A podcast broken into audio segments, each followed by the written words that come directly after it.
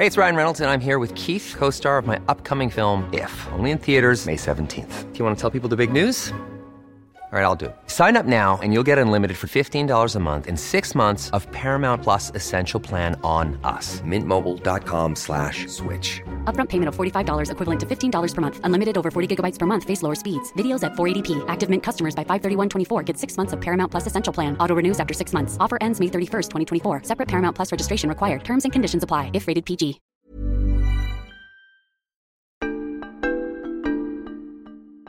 Med en 22,5 timer lang tur til Verona, tror jeg, han selv mener, han har sat, øh, fået sat fokus på det, han gerne vil, ja.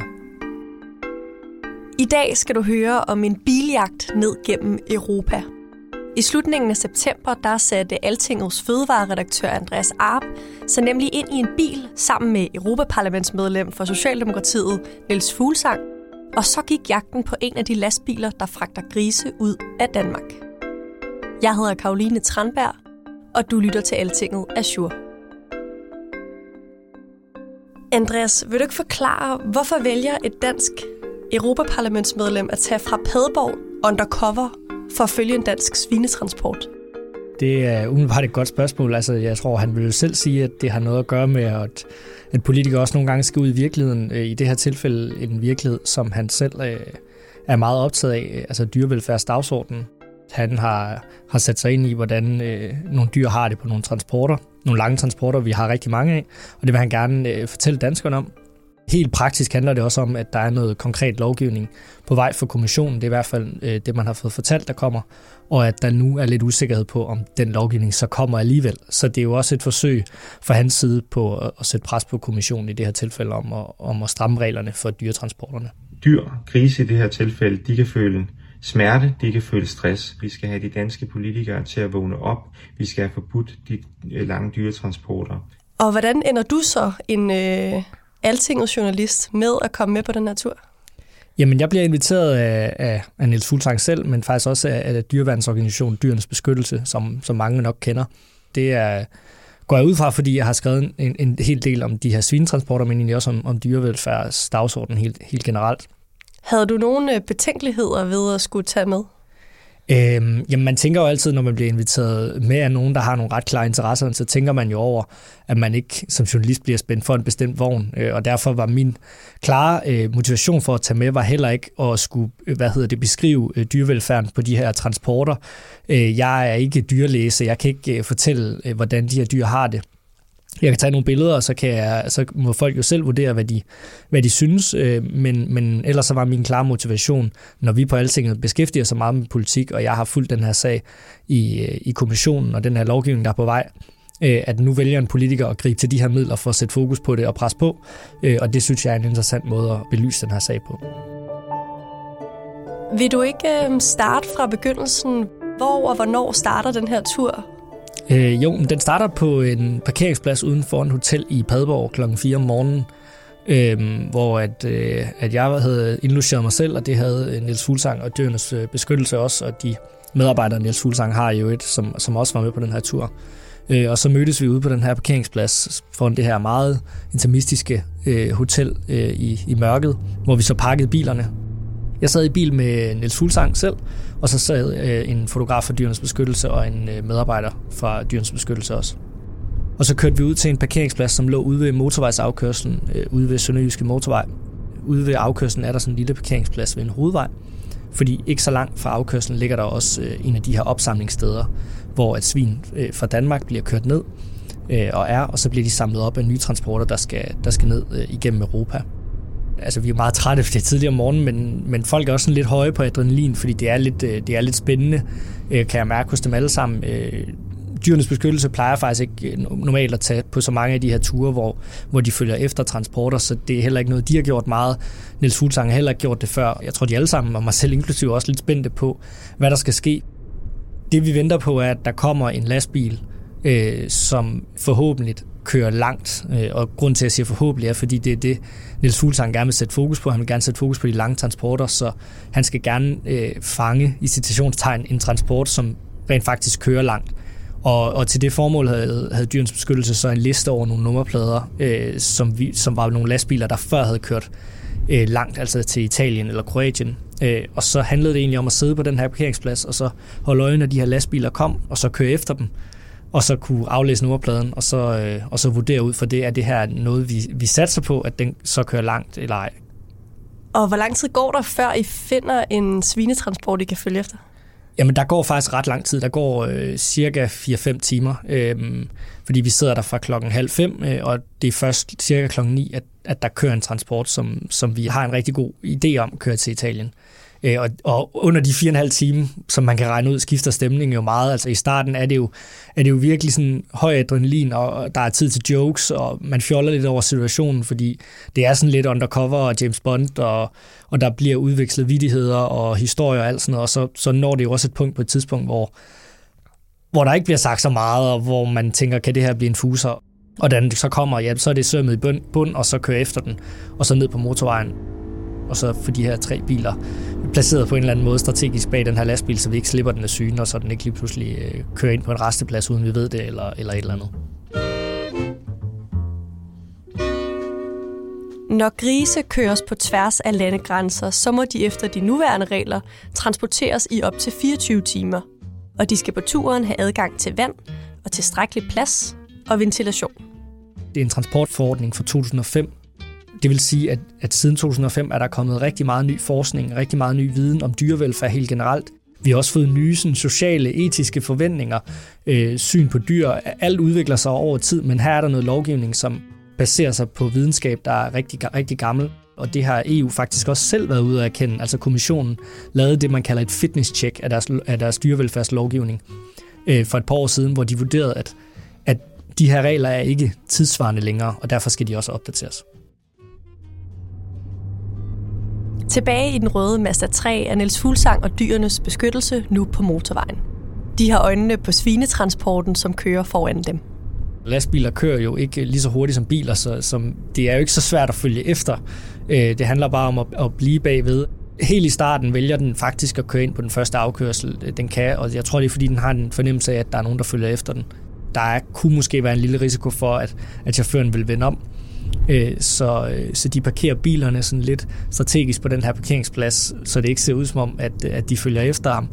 Øh, og så kører han faktisk ud igen relativt hurtigt efter. Og så, og så kører vi jo efter den her lastbil og kører de her tre biler. Og der er jo for eksempel perioder nede ved Hamburg, hvor der, det kender alle, der måske har været på en bilferie til Italien, der er altid kø nede ved Hamburg. Øh, og der er der sådan en bane, hvor alle lastbilerne holder, og der ser det jo lidt sjovt ud, at der bare holder 200 lastbiler, så tre øh, personbiler bag en enkelt lastbil. Så sætter situationen sig lidt fast, fordi nu er det lidt lastbilen, der bestemmer, hvor vi skal hen og, og hvor længe vi skal køre. Men omkring et-tiden holder den ind ved en resteplads ved Hannover, hvor det er første gang, at vi så ligesom får mulighed for at komme hen til lastbilen og kunne kigge ind til grisene, for det kan du jo ikke rigtigt på motorvejen. Hvad ser I så, når I kigger ind i lastbilen? Jamen, når man kigger ind i lastbilen, lastbilen har fem etager, øh, hvor der er grise på, og der er sådan cirka 600-700 grise i, i den her kæmpestore lastbil. Og der står grisene øh, meget tæt pakket øh, sammen øh, på ikke særlig meget plads. Øh, der var alt for varmt, plus 30 grader i den her vogn, og de lå øh, stuet sammen oven på hinanden, indsmurt i deres eget pis og lort, for at sige det lige ud. Var du overrasket over, sådan det så ud i den her svinetransport? Jeg vil ikke sige, at jeg er overrasket, for jeg har set billeder af det før, men jeg var alligevel overvældet af, øh, hvor tæt de stod, og, og hvordan de så ud til at have det. Jeg kan ikke sige, om de har det godt eller skidt, men, men det der med, at de har ekskrementer i ansigtet, og at de står så tæt, det, det, det gjorde alligevel et indtryk.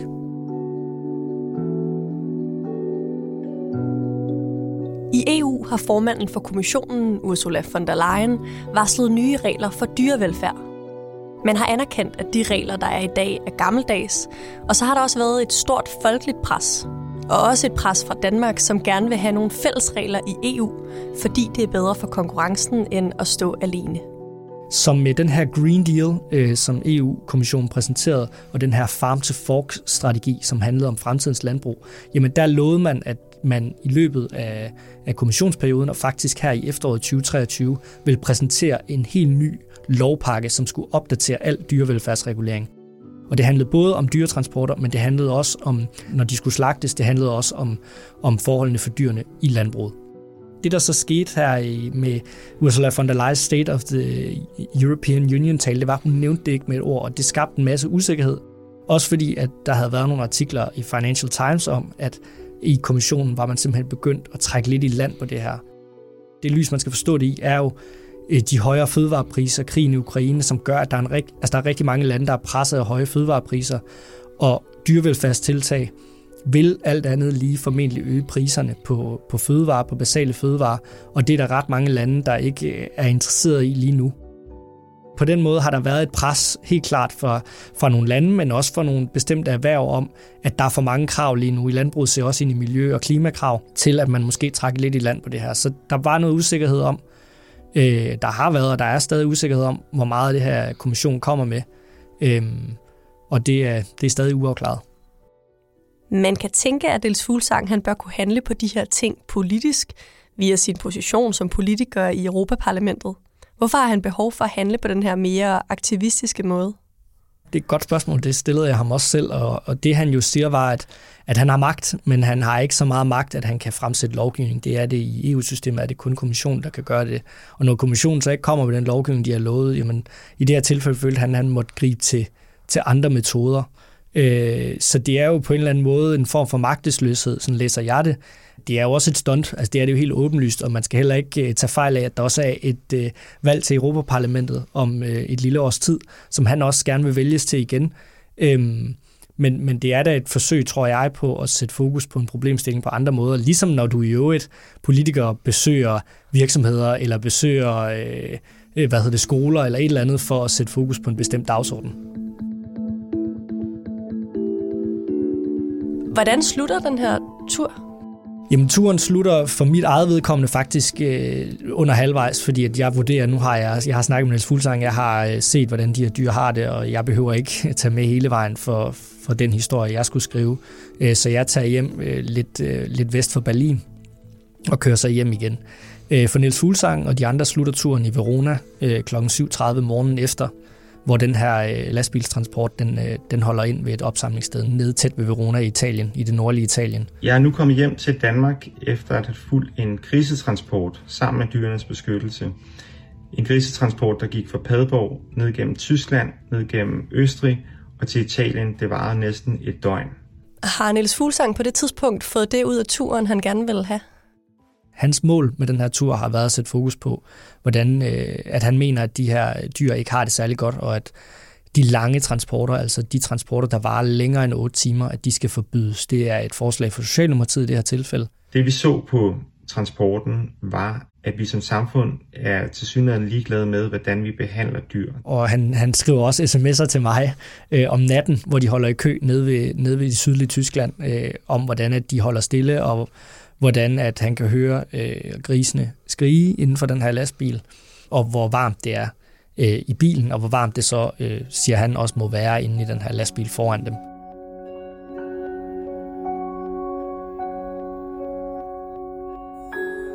I Danmark der lavede man i 2014 en handlingsplan for dyrevelfærd for grise. Men der bliver stadigvæk begået lovbrud i stallene, viser kontrolrapporter hvert år. I EU der er planerne om nye regler for dyrevelfærd blevet skudt lidt til side. Det kunne det i hvert fald godt tyde på, efter at have hørt Ursula von der Leyen's State of the Union-tale. Andreas, går det generelt langsomt, når man skal lovgive om dyrevelfærd? Det er et ret godt spørgsmål. Altså det, jeg ved ikke, om det går mere langsomt, end det gør på andre områder, men, men dyrevelfærd er jo ligesom andre svære problematikker. Der er en masse interesser i det her. Der, der er klart, der er nogle erhvervsinteresser, som øh, måske kan være med til at forsinke processerne.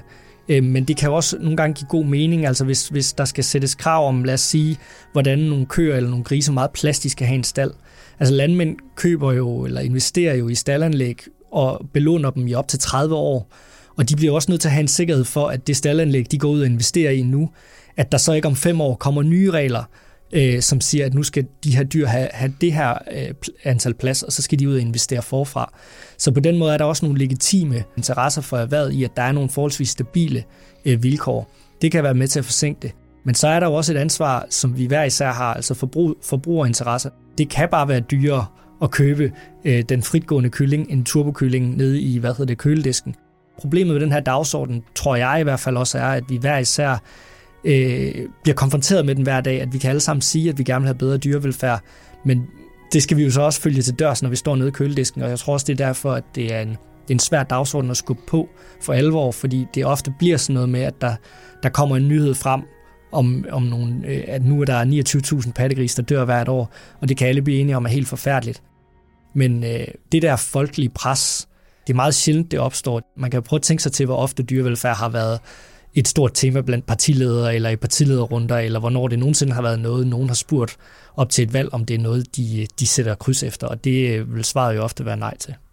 Så ansvaret ligger hos mange instanser, inklusiv hos os selv? Jamen, det gør det da helt bestemt. Altså, det er jo et fødevaresystem, som ikke er kommet øh, af sig selv, altså, fordi der er nogen, der er onde og, og, og siger, at nu skal, det, nu skal nogle dyr lide. Det er jo kommet af en efterspørgsel, øh, helt, helt konkret. Jamen, hvis det fødevaresystem skal, skal laves om, så kræver det jo en indsats øh, i alle led, også på forbrugersiden. Så kan priser også vægt højere, og man kan jo spørge sig selv om, jamen, vil priserne ikke alt andet lige øh, påvirke dyrevelfærd? Det tror jeg er svært at argumentere for andet, end at det vil det. Det var alt, hvad vi havde til dig i Azure i dag. Jeg producerede dagens podcast. Jeg hedder Karoline Tranberg, og pas godt på dig selv, til vi lyttes ved igen.